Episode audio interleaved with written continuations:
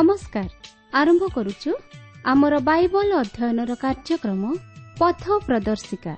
ପବିତ୍ର ବାଇବଲ କହେ କାରଣ ପାପର ବେତନ ମୃତ୍ୟୁ କିନ୍ତୁ ଈଶ୍ୱରଙ୍କ ଅନୁଗ୍ରହ ଦାନ ଆମ୍ଭମାନଙ୍କର ପ୍ରଭୁ ଖ୍ରୀଷ୍ଟ ଯୀଶୁଙ୍କ ସହଭାଗିତାରେ ଅନନ୍ତ ଜୀବନ ଅଟେ। ଆସନ୍ତୁ ସେହି ମୃତ୍ୟୁର ଭୟରୁ ରକ୍ଷା ପାଇ ଅନନ୍ତ ଜୀବନର ଅଧିକାରୀ ହେବା ନିମନ୍ତେ ଶୁଣିବା ବେତାର କାର୍ଯ୍ୟକ୍ରମ ପଥ ପ୍ରଦର୍ଶିକା।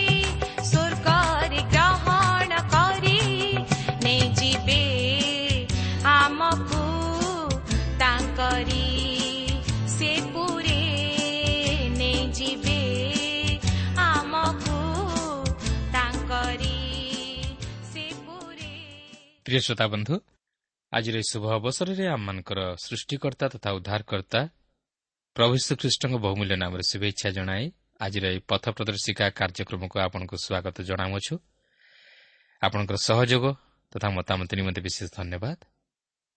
ଆପଣ ଏହି କାର୍ଯ୍ୟକ୍ରମ ଦ୍ୱାରା ଆତ୍ମିକ ଜୀବନରେ ଉପକୃତ ହୋଇପାରୁଥିବା ଜାଣି ଆମେ ମୋତେ ବିଶେଷ ଖୁସି ପ୍ରଭୁଙ୍କ ନାମକୁ ଧନ୍ୟବାଦ ଦେଉ। କେବଳ ସେତିକି ନୁହେଁ ଆପଣଙ୍କର ପ୍ରାର୍ଥନାର ଅନୁରୋଧ ରକ୍ଷା କରି ଆମେ ମଧ୍ୟ ଆପଣଙ୍କ ନିମନ୍ତେ ଓ ଆପଣଙ୍କର ପରିବାର ନିମନ୍ତେ ପ୍ରାର୍ଥନା କରୁଅଛୁ। ଆଉ ସେହି ପ୍ରଭୁ ଯୀଶୁ ନିଶ୍ଚିତ ଭାବରେ ଆପଣଙ୍କୁ ସୁରକ୍ଷା କରିବେ। ଆସନ୍ତୁ ପ୍ରଭୁଙ୍କର ବାକ୍ୟ ମଧ୍ୟକୁ ଯିବା ପୂର୍ବରୁ ସଂକ୍ଷେପରେ ପ୍ରାର୍ଥନା କରିବା। ପବିତ୍ର ପ୍ରଭୁ ଆମମାନଙ୍କର ସୃଷ୍ଟିକର୍ତ୍ତା ଆମମାନଙ୍କର ଉଦ୍ଧାରକର୍ତ୍ତା ନିତ୍ୟ ଜୀବିତ ତୁମର ପବିତ୍ର ନାମର ଧନ୍ୟବାଦ କରୁଅଛୁ।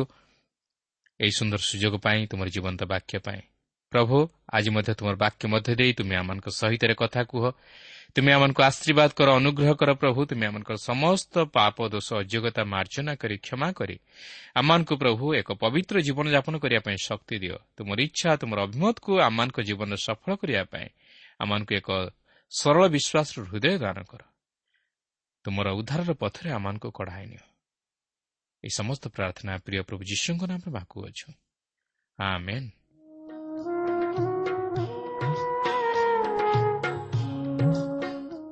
ଆସନ୍ତୁ ବର୍ତ୍ତମାନ ଆମେ ପ୍ରଭୁଙ୍କର ବାକ୍ୟ ମଧ୍ୟକୁ ଯିବା। ଆଜି ଆମେ ପବିତ୍ର ବାଇବଲ ମଧ୍ୟରୁ ପ୍ରେରିତ ପୁସ୍ତକର ଚଉଦ ପର୍ବର ପ୍ରଥମ ପଦରୁ ଆରମ୍ଭ କରି ଅଠେଇଶ ପଦ ପର୍ଯ୍ୟନ୍ତ ଅଧ୍ୟୟନ କରିବା ନିମନ୍ତେ ଯିବା। ଆଜି ଆମେ ଏହି ଅଂଶରେ ଗାଲାତୀୟମାନଙ୍କ ଦେଶରେ ପାଉଲ ଓ ବର୍ଣ୍ଣବାଙ୍କର ପ୍ରଚାର ବିଷୟ ନେଇ ଲକ୍ଷ୍ୟ କରିବାକୁ ଯିବା। ଆପଣଙ୍କର ମନେଥିବ ଯେ ଗତ ଆଲୋଚନାରେ ଆମେ ପ୍ରେରିତ ପାଉଲ ଓ ବର୍ଣ୍ଣବାଙ୍କର ପ୍ରଚାର ସମ୍ପର୍କରେ ଆଲୋଚନା କରିଥିଲୁ। ସେମାନେ ପିସିଡିଆର ଆନ୍ତ୍ୟଖିଆର ସମାଜଗୃହରେ ପ୍ରଚାର କରିବା ପରେ ଯେତେବେଳେ ସେହି ସ୍ଥାନର ଜିହୁଦୀ ନେତାମାନେ ସେମାନଙ୍କର ପ୍ରତିରୋଧ କଲେ ଓ ସେମାନଙ୍କୁ ସେହି ସ୍ଥାନରୁ ତଡ଼ିଦେଲେ ସେତେବେଳେ ସେମାନେ ବିଜାତୀୟମାନଙ୍କ ମଧ୍ୟକୁ ପ୍ରଚାର କରିବା ନିମନ୍ତେ ଗଲେ। ସେମାନେ ସେଠାରୁ ବାହାରି ଇକନିଓକୁ ଗଲେ। କିନ୍ତୁ ଯେଉଁମାନେ ଖ୍ରୀଷ୍ଟ ଯୀଶୁଙ୍କଠାରେ ବିଶ୍ୱାସ କଲେ ସେମାନେ ଆନନ୍ଦରେ ଓ ପବିତ୍ର ଆତ୍ମାରେ ପୂର୍ଣ୍ଣ ହେବାକୁ ଲାଗିଲେ। ତେବେ ସେହି ଇକନିୟରେ କିପରି ସେମାନେ ପ୍ରଚାର କଲେ ଓ କ'ଣ ସବୁ ଘଟିଲା ଆସନ୍ତୁ ବର୍ତ୍ତମାନ ତାହା ଅଧ୍ୟୟନ କରିବାକୁ ଯିବା। ଚଉଦ ପର୍ବର ପ୍ରଥମ ପଦରେ ଏହିପରି ଲେଖା ଅଛି ଇକନିୟରେ ମଧ୍ୟ ସେହି ପ୍ରକାର ଘଟିଲା ସେମାନେ ଜୁହୁଦୀମାନଙ୍କ ସମାଜଗୃହରେ ପ୍ରବେଶ କରି ଏପରି କଥା କହିଲେ ଯେ ଜିହୁଦୀ ଓ ଗ୍ରୀକ୍ମାନଙ୍କ ମଧ୍ୟରୁ ବହୁ ସଂଖ୍ୟକ ଲୋକ ବିଶ୍ୱାସ କଲେ। ଆପଣ ଯଦି ମାନଚିତ୍ରରେ ଦେଖିବେ ତାହେଲେ ଏହି ପିସିଡିଆର ଆନ୍ତ୍ୟଖିଆ ଇକନିଓ ଲୁସ୍ତ୍ରା ଓ ଦର୍ବୀ ଗାଲାତୀୟ ଅଞ୍ଚଳର ନଗରଗୁଡ଼ିକ ଥିଲା ଯାହାକି ଏସିଆ ମାଇନରର କେନ୍ଦ୍ରାଞ୍ଚଳ କହିଲେ ଅତ୍ୟୁକ୍ତି ହେବ ନାହିଁ। ତେଣୁକରି ସେମାନେ ଅର୍ଥାତ୍ ପାଉଲ ବର୍ଣ୍ଣବା ଏସିଆ ମାଇନରର କେନ୍ଦ୍ରାଞ୍ଚଳରେ ଅଛନ୍ତି ଓ ସୁଷମାଚାର ପ୍ରଚାର କରୁଅଛନ୍ତି। ଏହି ଇକନିୟରେ ମଧ୍ୟ ସେମାନେ ଜିହୁଦୀମାନଙ୍କ ସମାଜଗୃହରେ ପ୍ରବେଶ କରି ଶିକ୍ଷା ଦେଉଥିବା ସମୟରେ ଜିହୁଦୀ ଓ ଗ୍ରୀକ୍ମାନଙ୍କ ମଧ୍ୟରୁ ବହୁ ସଂଖ୍ୟକ ଲୋକ ବିଶ୍ୱାସ କଲେ। କିନ୍ତୁ ଏଠାରେ ମଧ୍ୟ ସେମାନଙ୍କର ପ୍ରଚାର କାର୍ଯ୍ୟରେ ପ୍ରତିବନ୍ଧକ ଉପୁଜିଲା। ଦେଖନ୍ତୁ ଦୁଇ ପଦରୁ ଚାରିପଦ ମଧ୍ୟରେ ଲେଖା ଅଛି କିନ୍ତୁ ଯେଉଁ ଜୁହୁଦୀମାନେ ବିଶ୍ୱାସ କଲେ ନାହିଁ ସେମାନେ ବିଜାତିମାନଙ୍କର ମନକୁ ଉତ୍ତେଜିତ କରି ଭାଇମାନଙ୍କ ବିରୁଦ୍ଧରେ ମନ୍ଦଭାବ ଜନ୍ମାଇ ଦେଲେ। ସେମାନେ ଅନେକ ଦିନ ପର୍ଯ୍ୟନ୍ତ ସେହି ସ୍ଥାନରେ ରହି ପ୍ରଭୁଙ୍କ ଉପରେ ନିର୍ଭର କରି ସାହସରେ ପ୍ରଚାର କଲେ। ଆଉ ସେ ସେମାନଙ୍କ ହସ୍ତ ଦ୍ୱାରା ନାନା ଲକ୍ଷଣ ଓ ଅଦ୍ଭୁତ କର୍ମ ସାଧନ କରି ଆପଣା ଅନୁଗ୍ରହ ବାକ୍ୟ ସପକ୍ଷରେ ସାକ୍ଷ୍ୟ ଦେଲେ। କିନ୍ତୁ ନଗରର ଲୋକସମୂହ ଦୁଇ ଦଳ ହେଲେ ଦଳେ ଜୁହୁଦୀମାନଙ୍କ ପକ୍ଷରେ ଆଉ ଦଳେ ପ୍ରେରିତମାନଙ୍କ ପକ୍ଷରେ। ଆପଣ ଦେଖନ୍ତୁ ପାଉଲ ଓ ବର୍ଣ୍ଣମାଙ୍କ ପ୍ରଚାର ହେତୁ ସେହି ନଗରରେ ଦଳଭେଦ ଓ ମତଭେଦ ଘଟିଲା। ଆପଣ ଜାଣି ରଖନ୍ତୁ ଯେ ପାଉଲ ଓ ବର୍ଣ୍ଣବା ଉଭୟ ଜୁହୁଦୀ ଥିଲେ। ତେଣୁକରି ସେମାନେ ପ୍ରଥମେ ଜୁହୁଦୀମାନଙ୍କର ସମାଜଗୃହରେ ଯାଇ ପ୍ରଚାର କରୁଥିଲେ। ଯେପରି ସେମାନେ ବିଜାତୀୟମାନଙ୍କ ନିକଟରେ ସୁଷମାଚାର ପହଞ୍ଚାଇବାର ସୁଯୋଗ ପାଇପାରନ୍ତି। ତେବେ ପାଞ୍ଚ ପଦରୁ ସାତ ପଦ ମଧ୍ୟରେ ଲେଖା ଅଛି ଯେତେବେଳେ ବିଜାତି ଓ ଜିହୁଦୀମାନେ ସେମାନଙ୍କର ଅଧ୍ୟକ୍ଷମାନଙ୍କ ସହିତ ସେମାନଙ୍କ ପ୍ରତି ଦୌରାତ୍ମ କରିବାକୁ ଓ ପଥର ଫୋପାଡ଼ିବାକୁ ଉଠିଲେ ସେତେବେଳେ ସେମାନେ ତାହା ଜାଣିପାରି ଲୁକାୟନିଆର ଲୁସ୍ତ୍ରା ଓ ଦର୍ବିନଗର ପୁଣି ଚାରିଆଡ଼ର ଅଞ୍ଚଳକୁ ପଳାଇଗଲେ। ଆଉ ସେମାନେ ସେଠାରେ ସୁଷମାଚାର ପ୍ରଚାର କରିବାକୁ ଲାଗିଲେ।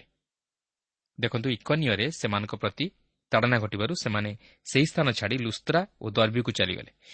କିନ୍ତୁ ସେ ଯାହା ହେଉନା କାହିଁକି ଆମେ ଜାଣୁ ଯେ ସେମାନେ ଇକନିୟ ମଧ୍ୟ ଦେଇ ଫେରିଆସିଲେ ତେଣୁ ଏଥିରୁ ଜଣାଯାଏ ଯେ ସେହି ଇକନିୟରେ ମଧ୍ୟ କେତେକ ବିଶ୍ୱାସୀ ଥିଲେ।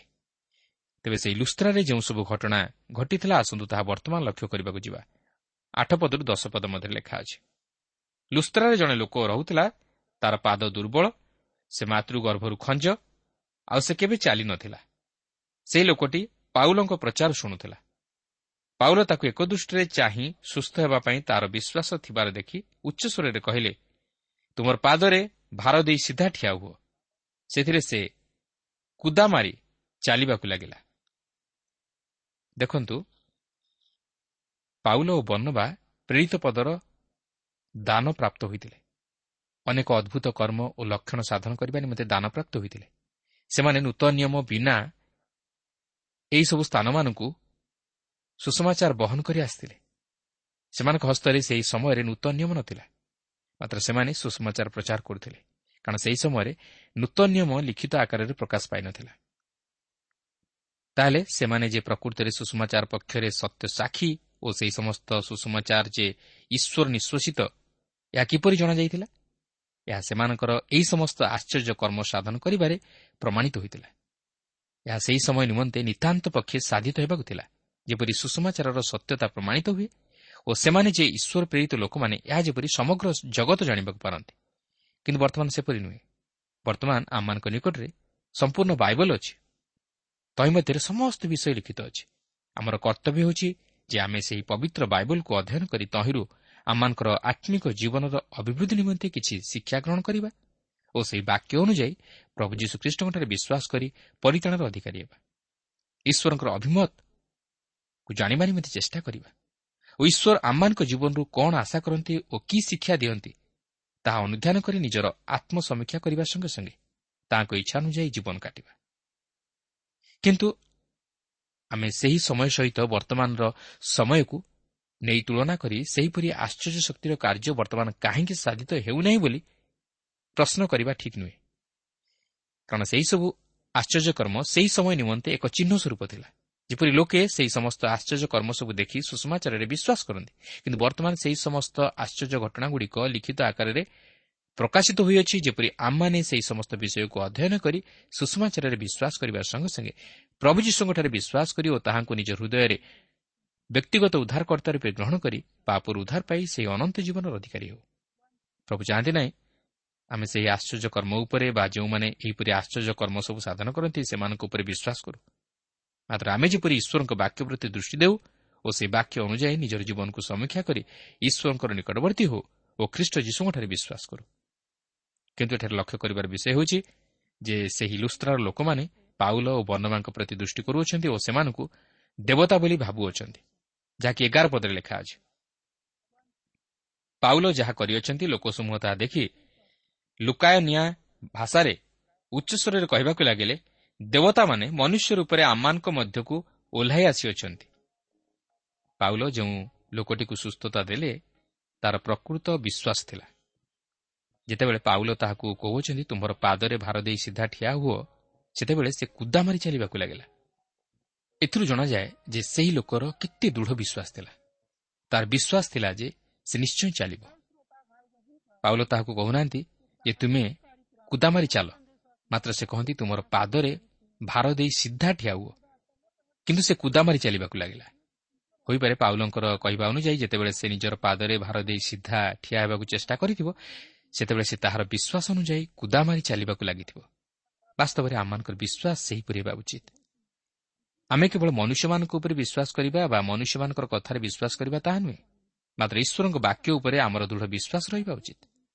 ସେଦିନ ସେହି ଖଞ୍ଜ ଯଦି କେବଳ ପାଉଲଙ୍କ କଥାରେ ବିଶ୍ୱାସ କରିଥାନ୍ତା ତାହେଲେ ସେ ନିଜର ପାଦରେ କେବଳ ଭାର ଦେଇ ସିଧା ଠିଆ ହୋଇଥାନ୍ତା। ମାତ୍ର ତାହାର ବିଶ୍ୱାସ ପ୍ରକୃତିରେ ପ୍ରଭୁ ଯୀଶୁଙ୍କ ଉପରେ ଥିଲା। ତେଣୁକରି ପ୍ରଭୁ ପ୍ରେରିତ ପାଉଲଙ୍କ ହସ୍ତ ଦ୍ୱାରା ଏହି ଅଲୌକିକ ଶକ୍ତିର କାର୍ଯ୍ୟ ସାଧନ କଲେ। କିନ୍ତୁ ଆପଣ ଜାଣିଥିବେ ଯେ ସେହି ସ୍ଥାନରେ ଅନେକ ବିଜାତୀୟ ଲୋକମାନେ ମଧ୍ୟ ଥିଲେ ଯେଉଁମାନେ କି ଦେବପୂଜକ ଥିଲେ। ସେମାନେ ଯେତେବେଳେ ପ୍ରେରିତ ପାଉଲଙ୍କ ଦ୍ୱାରା ଏହିପରି ଆଶ୍ଚର୍ଯ୍ୟକର୍ମ ସାଧିତ ହେଉଥିବାର ଦେଖିଲେ ସେତେବେଳେ ସେମାନେ ତାହାଙ୍କୁ ଦେବତା ବୋଲି ଭାବିଲେ। କାରଣ ସେମାନେ ଉଚ୍ଚ ସ୍ୱରରେ କହିବାକୁ ଲାଗିଲେ ଦେବତାମାନେ ମନୁଷ୍ୟ ରୂପରେ ଆମମାନଙ୍କ ମଧ୍ୟକୁ ଓହ୍ଲାଇ ଆସିଅଛନ୍ତି। ସେମାନଙ୍କର ଦୃଷ୍ଟି କେବଳ ପାଉଲ ଓ ବନ୍ଧମାଙ୍କ ଉପରେ ରହିଲା। ସେମାନେ ପ୍ରକୃତିରେ ସେମାନଙ୍କର ବିଷୟ ନେଇ ଚମତ୍କୃତ ହୋଇଯାଇଥିଲେ। ପ୍ରେରିତ ଚଉଦ ପର୍ବର ବାର ଓ ତେର ପଦରେ ଏହିପରି ଲେଖା ଅଛି ସେମାନେ ବର୍ଣ୍ଣମାଙ୍କୁ ବୃହସ୍ପତି ବୋଲି କହିଲେ ପୁଣି ପାଉଲ ପ୍ରଧାନ ବକ୍ତା ଥିବାରୁ ତାହାଙ୍କୁ ବୁଦ୍ଧ ବୋଲି କହିଲେ। ନଗର ସମ୍ମୁଖରେ ଥିବା ବୃହସ୍ପତିଙ୍କ ମନ୍ଦିରର ଯାଜକ କେତେକ ବୃଷ ଓ ପୁଷ୍ପହାର ଦ୍ୱାର ନିକଟକୁ ଆଣି ଲୋକସମୂହ ସହିତ ବଳି ଦେବାକୁ ଇଚ୍ଛା କରିଥିଲେ। ଦେଖନ୍ତୁ ପାଉଲ ହେଉଛନ୍ତି ଦଳର ମୁଖ୍ୟ ଓ ମୁଖ୍ୟ ବକ୍ତା ଏବଂ ଲୋକମାନେ ତାହାଙ୍କୁ ଦେବତା ବୋଲି ମାନୁଛନ୍ତି। ସେମାନେ ତାହାଙ୍କ ନିକଟକୁ ପୁଷ୍ପହାର ଆଣିବା ସଙ୍ଗେ ସଙ୍ଗେ ତାହାଙ୍କ ନିକଟକୁ ବୃଷ ଆଣି ବଳି ଉତ୍ସର କରି ତାହାଙ୍କୁ ପୂଜା କରିବା ନିମନ୍ତେ ପ୍ରସ୍ତୁତ ହେଉଛନ୍ତି। କିନ୍ତୁ ଆପଣ ଦେଖନ୍ତୁ ସେହି ଲୋକମାନେ ପୁନର୍ବାର ତାହାଙ୍କ ଉପରେ ପଥର ପକାଇ ତାହାଙ୍କୁ ମାରିବା ନିମନ୍ତେ ଉଦ୍ୟତ ହେବେ। ଏହା ହିଁ ହେଉଛି ମନୁଷ୍ୟର ସ୍ୱଭାବ। ଏହିପରି ଭାବେ ମଧ୍ୟ ସେମାନେ ପ୍ରଭୁ ଯୀଶୁଙ୍କ ପ୍ରତି କରିଥିଲେ। ସେମାନେ ତାଙ୍କୁ ରାଜା ରୂପେ ଗ୍ରହଣ କରି ହୋସାନା ହୋସାନା ବୋଲି ଚିତ୍କାର କଲେ ମାତ୍ର ପରେ ସେହି ଲୋକମାନେ ତାହାଙ୍କୁ କୃଷରେ ଚଢ଼ାଅ କୃଷରେ ଚଢ଼ାଅ ବୋଲି ଚିତ୍କାର କଲେ। ତେଣୁ ମନୁଷ୍ୟମାନଙ୍କର ପ୍ରଶଂସାରେ କେବେ ହେଲେ ଆମେ ନିଜକୁ ଗର୍ବିତ ମନେ କରିବା ଉଚିତ ନୁହେଁ ବରଂ ସେହି ସମୟରେ ଆମେ ଈଶ୍ୱରଙ୍କୁ ଗୌରବ ଦେବା ଉଚିତ। କିନ୍ତୁ ଆଜି ଅନେକ ଲୋକ ମନୁଷ୍ୟମାନଙ୍କଠାରୁ ପ୍ରଶଂସା ପାଇବାକୁ ଚାହାନ୍ତି। ସେମାନେ ଈଶ୍ୱରଙ୍କୁ ଗୌରବ ଦିଅନ୍ତି ନାହିଁ ମାତ୍ର ନିଜର ଗୌରବ ଅନ୍ୱେଷଣ କରନ୍ତି। ଏହିପରି ସ୍ୱଭାବର ଲୋକମାନେ ପରୀକ୍ଷା ଓ ଫାନ୍ଦରେ ପଡ଼ନ୍ତି ଓ ବିପଦର ସମ୍ମୁଖୀନ ହୁଅନ୍ତି। ସେଦିନ ପ୍ରେରିତ ପାଉଲ ନିଜର ଗୌରବ ଅନ୍ୱେଷଣ କରିନଥିଲେ କିମ୍ବା ନିଜକୁ ତୈ ନିମନ୍ତେ ଗର୍ବିତ ଅନୁଭବ କରିନଥିଲେ ବରଂ ଈଶ୍ୱରଙ୍କୁ ଗୌରବ ଦେଇଥିଲେ। ପ୍ରଭୁ ଆମମାନଙ୍କ ଜୀବନ ଦ୍ୱାରା ଗୌରବାନ୍ୱିତ ଓ ପ୍ରଶଂସିତ ହେବାକୁ ଚାହାନ୍ତି। ମାତ୍ର ଯେଉଁ ମନୁଷ୍ୟ ଈଶ୍ୱରଙ୍କୁ ଗୌରବ ନ ଦିଏ ସେ ଈଶ୍ୱରଙ୍କ ଅଭିଶାପର ପାତ୍ର ହୁଏ। ଦେଖନ୍ତୁ ସେମାନଙ୍କର ଏପରି କଥାରେ ଓ କାର୍ଯ୍ୟରେ ପ୍ରେରିତ ପାଉଲ କେଉଁପରି ନିଜର ମତବ୍ୟକ୍ତ କରନ୍ତି। ଚଉଦରୁ ଷୋହଳ ପଦରେ ଆମେ ଦେଖୁ ଯେ ସେମାନେ ପାଉଲ ଓ ବର୍ଣ୍ଣମାକୁ ଦେବତା ବୋଲି ଭାବି ପୂଜା କରିବା ନିମନ୍ତେ ଇଚ୍ଛୁକ ହେବାର ଦେଖି ପାଉଲ ଓ ବର୍ଣ୍ଣବା ଅତିଶୟ ଚମତ୍କୃତ ହୋଇଯାଇଥିଲେ ଓ ଭୟ ପାଇଯାଇଥିଲେ। ତେଣୁକରି ସେମାନେ ସେହି ଲୋକମାନଙ୍କ ମଧ୍ୟକୁ ଦୌଡ଼ି ଯାଇ ସେମାନଙ୍କୁ କହିଲେ ମହାଶୟମାନେ କାହିଁକି ଏ ସମସ୍ତ କରୁଅଛନ୍ତି?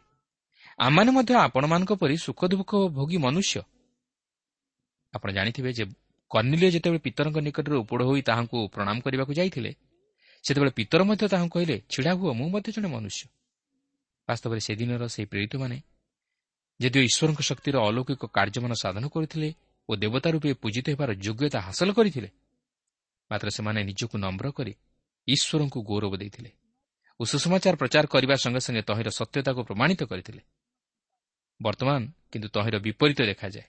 ଲୋକେ ଈଶ୍ୱରଙ୍କୁ ଗୌରବ ଦେବା ପରିବର୍ତ୍ତେ ନିଜର ଗୌରବ ଅନ୍ୱେଷଣ କରନ୍ତି ଓ ପ୍ରଭୁଙ୍କ ନାମରେ ଆଶ୍ଚର୍ଯ୍ୟ ଶକ୍ତିର କାର୍ଯ୍ୟ ସାଧନ କରି ନିଜକୁ ପ୍ରତିଷ୍ଠିତ କରାନ୍ତି ଓ ଏହାକୁ ଏକ ବ୍ୟବସାୟର ପନ୍ଥା ବୋଲି ଧରି ନିଅନ୍ତି। କିନ୍ତୁ ଏହାଦ୍ୱାରା ମନୁଷ୍ୟ ଈଶ୍ୱରଙ୍କ ଅଗୌରବ କରେ ଓ ଈଶ୍ୱରଙ୍କ ଆଶୀର୍ବାଦରୁ ବଞ୍ଚିତ ହୁଏ। ଆଜି ଅନେକ ଖ୍ରୀଷ୍ଟଙ୍କ ନାମରେ ନିଜକୁ ପ୍ରତିଷ୍ଠିତ କରାନ୍ତି। ନିଜର ପରିବାରକୁ ମଧ୍ୟ ପ୍ରତିଷ୍ଠିତ କରାନ୍ତି। ମାତ୍ର ପ୍ରଭୁଙ୍କୁ ଗୌରବ ଦେଇପାରନ୍ତି ନାହିଁ। କିନ୍ତୁ ଆମେ କେବେ ହେଲେ କୌଣସି ମନୁଷ୍ୟକୁ ଈଶ୍ୱର ବୋଲି ବା ଦେବତା ବୋଲି ଭାବି ତାହାକୁ ପୂଜା କରିବା ଉଚିତ ନୁହେଁ କି କିଏ ଆମକୁ ସେହିପରି ଦେବତା ପଦରେ ରଖି ପୂଜା କରୁ ବା ସମ୍ମାନ ଦେଉ ବା ପ୍ରଶଂସା କରୁ ଏହା ଆଶା କରିବା ମଧ୍ୟ ଉଚିତ ନୁହେଁ।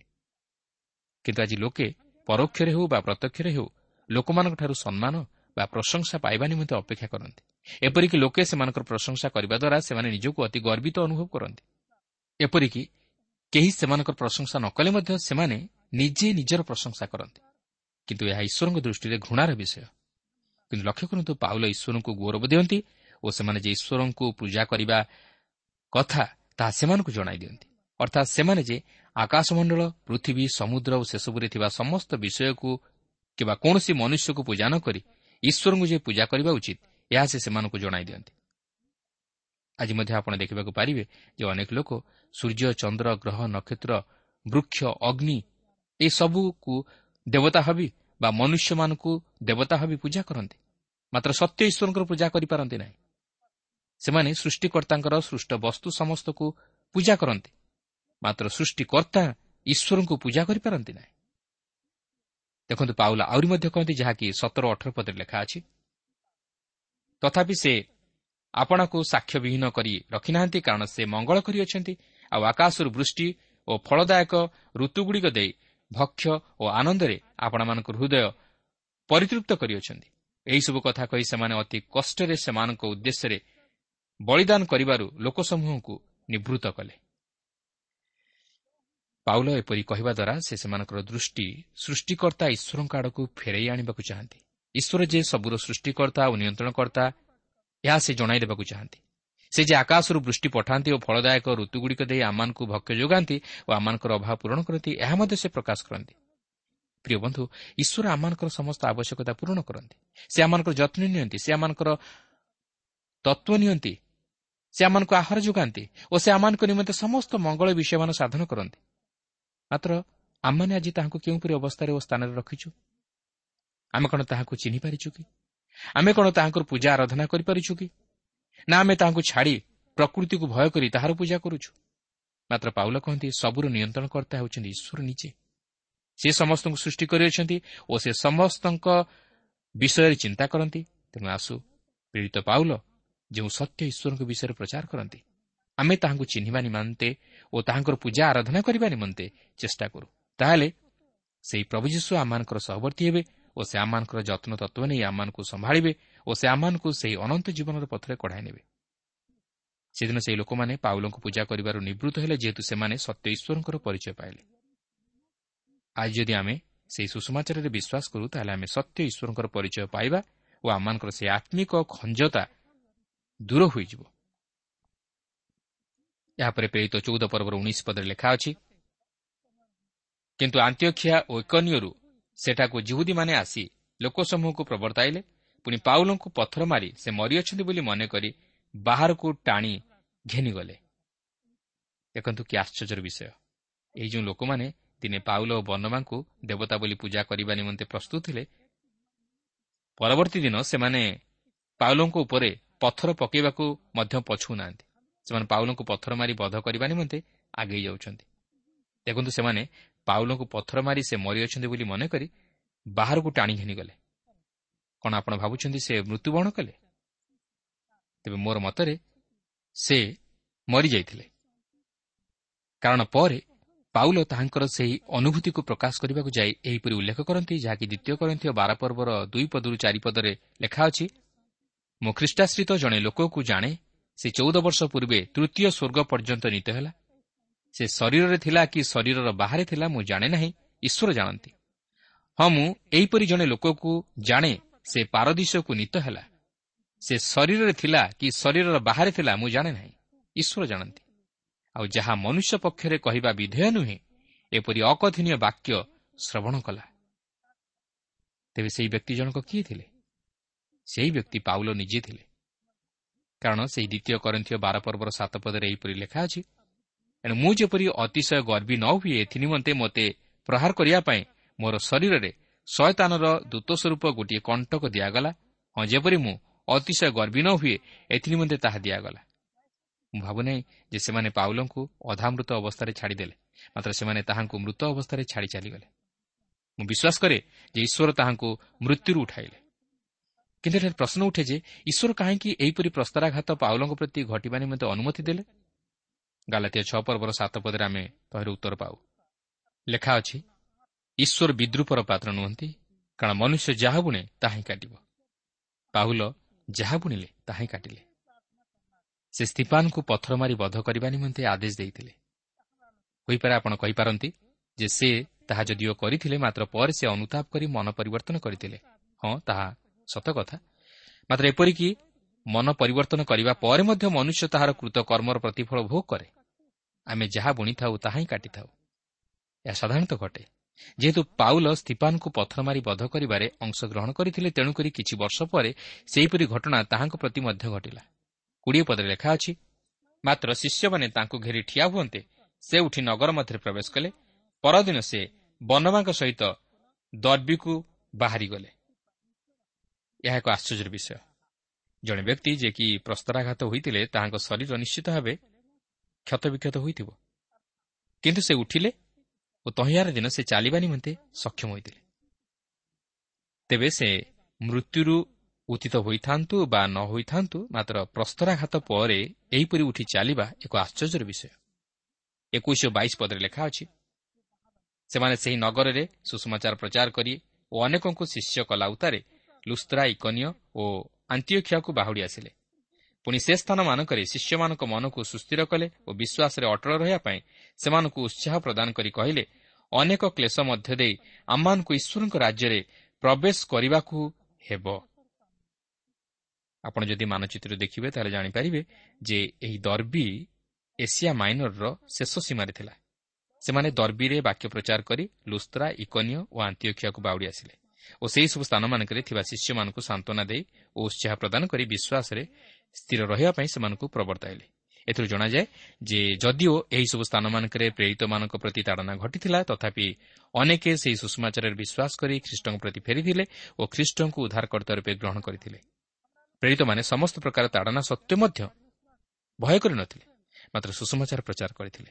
ଏହାପରେ ତେଇଶ ପଦରେ ଲେଖା ଅଛି ଆଉ ସେମାନେ ସେମାନଙ୍କ ନିମନ୍ତେ ପ୍ରତ୍ୟେକ ମଣ୍ଡଳୀରେ ପ୍ରାଚୀନମାନଙ୍କୁ ନିଯୁକ୍ତ କରି ଉପବାସ ସହିତ ପ୍ରାର୍ଥନା କଲେ। ପୁଣି ଯେଉଁ ପ୍ରଭୁଙ୍କଠାରେ ସେମାନେ ବିଶ୍ୱାସ କରିଥିଲେ ତାହାଙ୍କ ହସ୍ତରେ ସେମାନଙ୍କୁ ସମର୍ପଣ କଲେ। ଦେଖନ୍ତୁ ପ୍ରେରିତମାନେ ଯେ କେବଳ ସୁଷମାଚାର ପ୍ରଚାର କରୁଥିଲେ ତାହା ନୁହେଁ ମାତ୍ର ମଣ୍ଡଳୀର ମଧ୍ୟ ଯତ୍ନ ନେଉଥିଲେ ଓ ନୂତନ ବିଶ୍ୱାସୀମାନଙ୍କୁ ମଣ୍ଡଳୀ ସହିତ ସଂଯୁକ୍ତ କରାଇ ସେମାନଙ୍କ ନିମନ୍ତେ ଉପବାସ ଓ ପ୍ରାର୍ଥନା କରି ସେମାନଙ୍କର ଆତ୍ମିକ ଜୀବନର ସୁରକ୍ଷା ପ୍ରତି ମଧ୍ୟ ଦୃଷ୍ଟି ଦେଉଥିଲେ। ଏହାପରେ ଚବିଶ ଓ ପଚିଶ ପଦରେ ଲେଖା ଅଛି ପରେ ସେମାନେ ପିସିଦିଆ ମଧ୍ୟ ଦେଇ ପମ୍ଫୁଲିଆକୁ ଆସିଲେ ଆଉ ପର୍ଗିରେ ବାକ୍ୟ ପ୍ରଚାର କରି ଆତାଲିଆକୁ ଗଲେ। ଦେଖନ୍ତୁ ସେମାନେ ପିସିଦିଆ ଓ ପମ୍ଫୁଲିଆ ମଧ୍ୟ ଦେଇ ପୁନର୍ବାର ପର୍ଗିକୁ ଆସି ସେଠାରେ ଈଶ୍ୱରଙ୍କ ବାକ୍ୟ ପ୍ରଚାର କରି ଆତାଲିଆକୁ ଗଲେ। ଏଥିରୁ ଆପଣ ଅନୁମାନ କରିପାରୁଥିବେ ଯେ ସେମାନେ ସୁଷମାଚାର ପ୍ରଚାର ନିମନ୍ତେ କେତେ ଦୂର ବୋଝଗ୍ରସ୍ତ ଥିଲେ। ଏହାପରେ ଛବିଶରୁ ଅଠେଇଶ ପଦରେ ଲେଖା ଅଛି ସେଠାରୁ ସେମାନେ ଆନ୍ତିଓଖିଆକୁ ଜାହାଜରେ ଯାତ୍ରା କଲେ। ସେମାନେ ଯେଉଁ କାର୍ଯ୍ୟ ସାଧନ କରିଥିଲେ ତାହା କରିବା ନିମନ୍ତେ ଈଶ୍ୱରଙ୍କ ଅନୁଗ୍ରହରେ ସମର୍ପିତ ହୋଇ ସେ ସ୍ଥାନରୁ ବାହାରିଥିଲେ। ସେମାନେ ପହଞ୍ଚି ମଣ୍ଡଳୀକୁ ଏକତ୍ର କଲେ। ପୁଣି ଈଶ୍ୱର ସେମାନଙ୍କ ସାଙ୍ଗରେ ଥାଇ ଯେ ସମସ୍ତ କାର୍ଯ୍ୟ କରିଥିଲେ ଓ ବିଜାତିମାନଙ୍କ ପ୍ରତି ବିଶ୍ୱାସର ଦ୍ୱାର ଫିଟାଇ ଦେଇଥିଲେ ସେହିସବୁ ବର୍ଣ୍ଣନା କଲେ। ଆଉ ସେମାନେ ଶିଷ୍ୟମାନଙ୍କ ସହିତ ଅନେକ ଦିନ ପର୍ଯ୍ୟନ୍ତ ରହିଲେ। ପାଉଲ ଓ ବର୍ଣ୍ଣବା ଆନ୍ତ୍ୟକ୍ଷାକୁ ଫେରିଯାଉଛନ୍ତି ସେମାନଙ୍କ କାର୍ଯ୍ୟରେ ଏକ ବିବରଣୀ ପ୍ରଦାନ କରିବା ପାଇଁ। କାରଣ ସେହି ଆନ୍ତ୍ୟକ୍ଷାର ମଣ୍ଡଳୀ ସେମାନଙ୍କୁ ପ୍ରଚାର କାର୍ଯ୍ୟ ନିମନ୍ତେ ପ୍ରେରଣ କରିଥିଲେ। ଈଶ୍ୱର ଯେ ବିଜାତୀୟମାନଙ୍କ ନିମନ୍ତେ ସୁଷମାଚାରର ଦ୍ୱାର ଉନ୍ମୁକ୍ତ କରିଅଛନ୍ତି ତାହା ପ୍ରକାଶ କରନ୍ତି। ଯେତେବେଳେ ସୁଷମାଚାର ପ୍ରଚାରିତ ହେବାକୁ ଲାଗିଲା ସେତେବେଳେ ମଣ୍ଡଳୀଗୁଡ଼ିକ କେବଳ ଏବ୍ରିୟମାନଙ୍କୁ ନେଇ ଗଠିତ ହୋଇଥିଲା। କିନ୍ତୁ ଏହାପରେ ପରେ ଆଂଶିକ ଭାବେ ବିଜାତୀୟମାନଙ୍କୁ ନେଇ ଗଠିତ ହେଲା। କିନ୍ତୁ ବର୍ତ୍ତମାନ ସୁଷମାଚାର ପୁରାପୁରି ବିଜାତୀୟମାନଙ୍କ ମଧ୍ୟରେ ପ୍ରଚାରିତ ହେବାକୁ ଲାଗିଲା। ବର୍ତ୍ତମାନ ଏସିଆ ମାଇନରରେ ଥିବା ମଣ୍ଡଳୀ ପୁରାପୁରି ବିଜାତୀୟମାନଙ୍କୁ ନେଇ ଗଠିତ ହୋଇଅଛି ଯେଉଁମାନେ କି ଖ୍ରୀଷ୍ଟଙ୍କଠାରେ ବିଶ୍ୱାସ କରି ଖ୍ରୀଷ୍ଟଙ୍କୁ ଗ୍ରହଣ କରିଅଛନ୍ତି। ଯଦିଓ ଏହିସବୁ ମଣ୍ଡଳୀଗୁଡ଼ିକ ମଧ୍ୟରେ କେତେକ ଜିଉଦୀ ଥିଲେ କିନ୍ତୁ ଯାହା ଜଣାଯାଏ ଅଧିକାଂଶ ସ୍ଥାନମାନଙ୍କରେ ଜିହୁଦୀମାନେ ସୁଷମାଚାରକୁ ଅଗ୍ରାହ୍ୟ କଲେ ମାତ୍ର ବିଜାତୀୟମାନେ ଗ୍ରହଣ କଲେ। ସେଥିହେତୁ ଖ୍ରୀଷ୍ଟୀୟ ମଣ୍ଡଳୀଗୁଡ଼ିକ ମଧ୍ୟରେ ବିଜାତୀୟମାନଙ୍କ ସଂଖ୍ୟା ବଢ଼ିବାକୁ ଲାଗିଲା। ବର୍ଣ୍ଣବା ପାଉଲ ତାହା ହିଁ ଏଠାରେ ପ୍ରକାଶ କରି କହନ୍ତି ଯେ ପ୍ରଭୁ ବିଜାତୀୟମାନଙ୍କ ନିମନ୍ତେ ସୁଷମାଚାର ପ୍ରଚାର ନିମନ୍ତେ ଦ୍ୱାର ଉନ୍ମୁକ୍ତ କରିଅଛନ୍ତି ଓ ଅନେକ ମଧ୍ୟ ପ୍ରଭୁଙ୍କ ପ୍ରତି ଫେରୁଛନ୍ତି ସେମାନେ ସେମାନଙ୍କ କାର୍ଯ୍ୟର ବିବରଣୀ ପ୍ରଦାନ କରିବା ସଙ୍ଗେ ସଙ୍ଗେ ସେହି ଆନ୍ତ୍ୟକ୍ଷାରେ କେତେକ ଦିନ ରହିଲେ।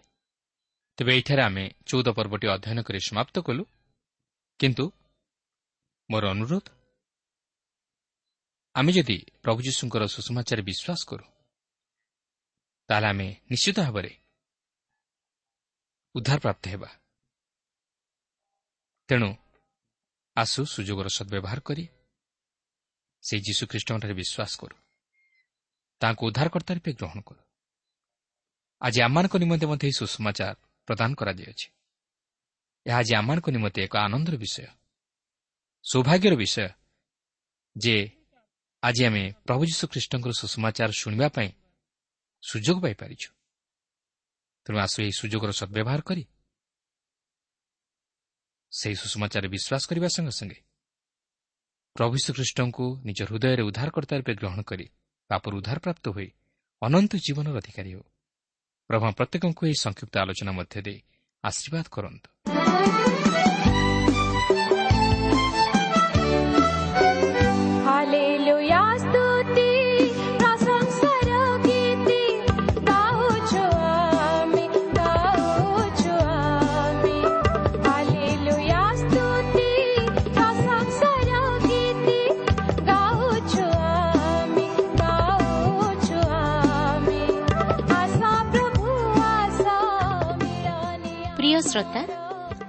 ଈଶ୍ୱରଙ୍କ ବାକ୍ୟ ଶୁଣିବା ନିମନ୍ତେ ସମୟ ଦେଇଥିବାରୁ ଆମେ ଧନ୍ୟବାଦୀ। ଆପଣ ଯଦି ପ୍ରଭୁ ଯୀଶୁଙ୍କର ବାକ୍ୟ ବିଷୟରେ ଓ ତାହାଙ୍କର ପ୍ରେମ ବିଷୟରେ ଅଧିକ ଜାଣିବାକୁ ଚାହାନ୍ତି ଯାହାକି ଆପଣଙ୍କୁ ପାପରୁ ଉଦ୍ଧାର ପାଇବା ନିମନ୍ତେ ପଥ ଦେଖାଇବ ତାହେଲେ ଆମ ସହିତ ପତ୍ର ମାଧ୍ୟମରେ ଅଥବା ଟେଲିଫୋନ୍ ଯୋଗେ ଯୋଗାଯୋଗ କରନ୍ତୁ। ଆମର ଠିକଣା ପଥ ପ୍ରଦର୍ଶିକା trans world radio India post box number ତିନି ତିନି ଭୁବନେଶ୍ୱର ସାତ ପାଞ୍ଚ ଏକ ଶୂନ ଶୂନ ଏକ। Mobile number nine seven double seven double two one four one five. ঠিকଣାটি আউথরে শুণন্তু পথ প্রদর্শিকা trans world radio India post box number three three Bhubaneswar seven five one zero zero one. Mobile number nine seven double seven double two one four one five. আমার email আড্রেসটি লিখি রাখুন Odia TV at radio eight eight two dot com ତେବେ ଆଜି ପାଇଁ ଏଠାରେ ରଖୁଛୁ। ପ୍ରଭୁ ଯୀଶୁ ଆପଣଙ୍କୁ ଆଶୀର୍ବାଦ କରନ୍ତୁ। ନମସ୍କାର।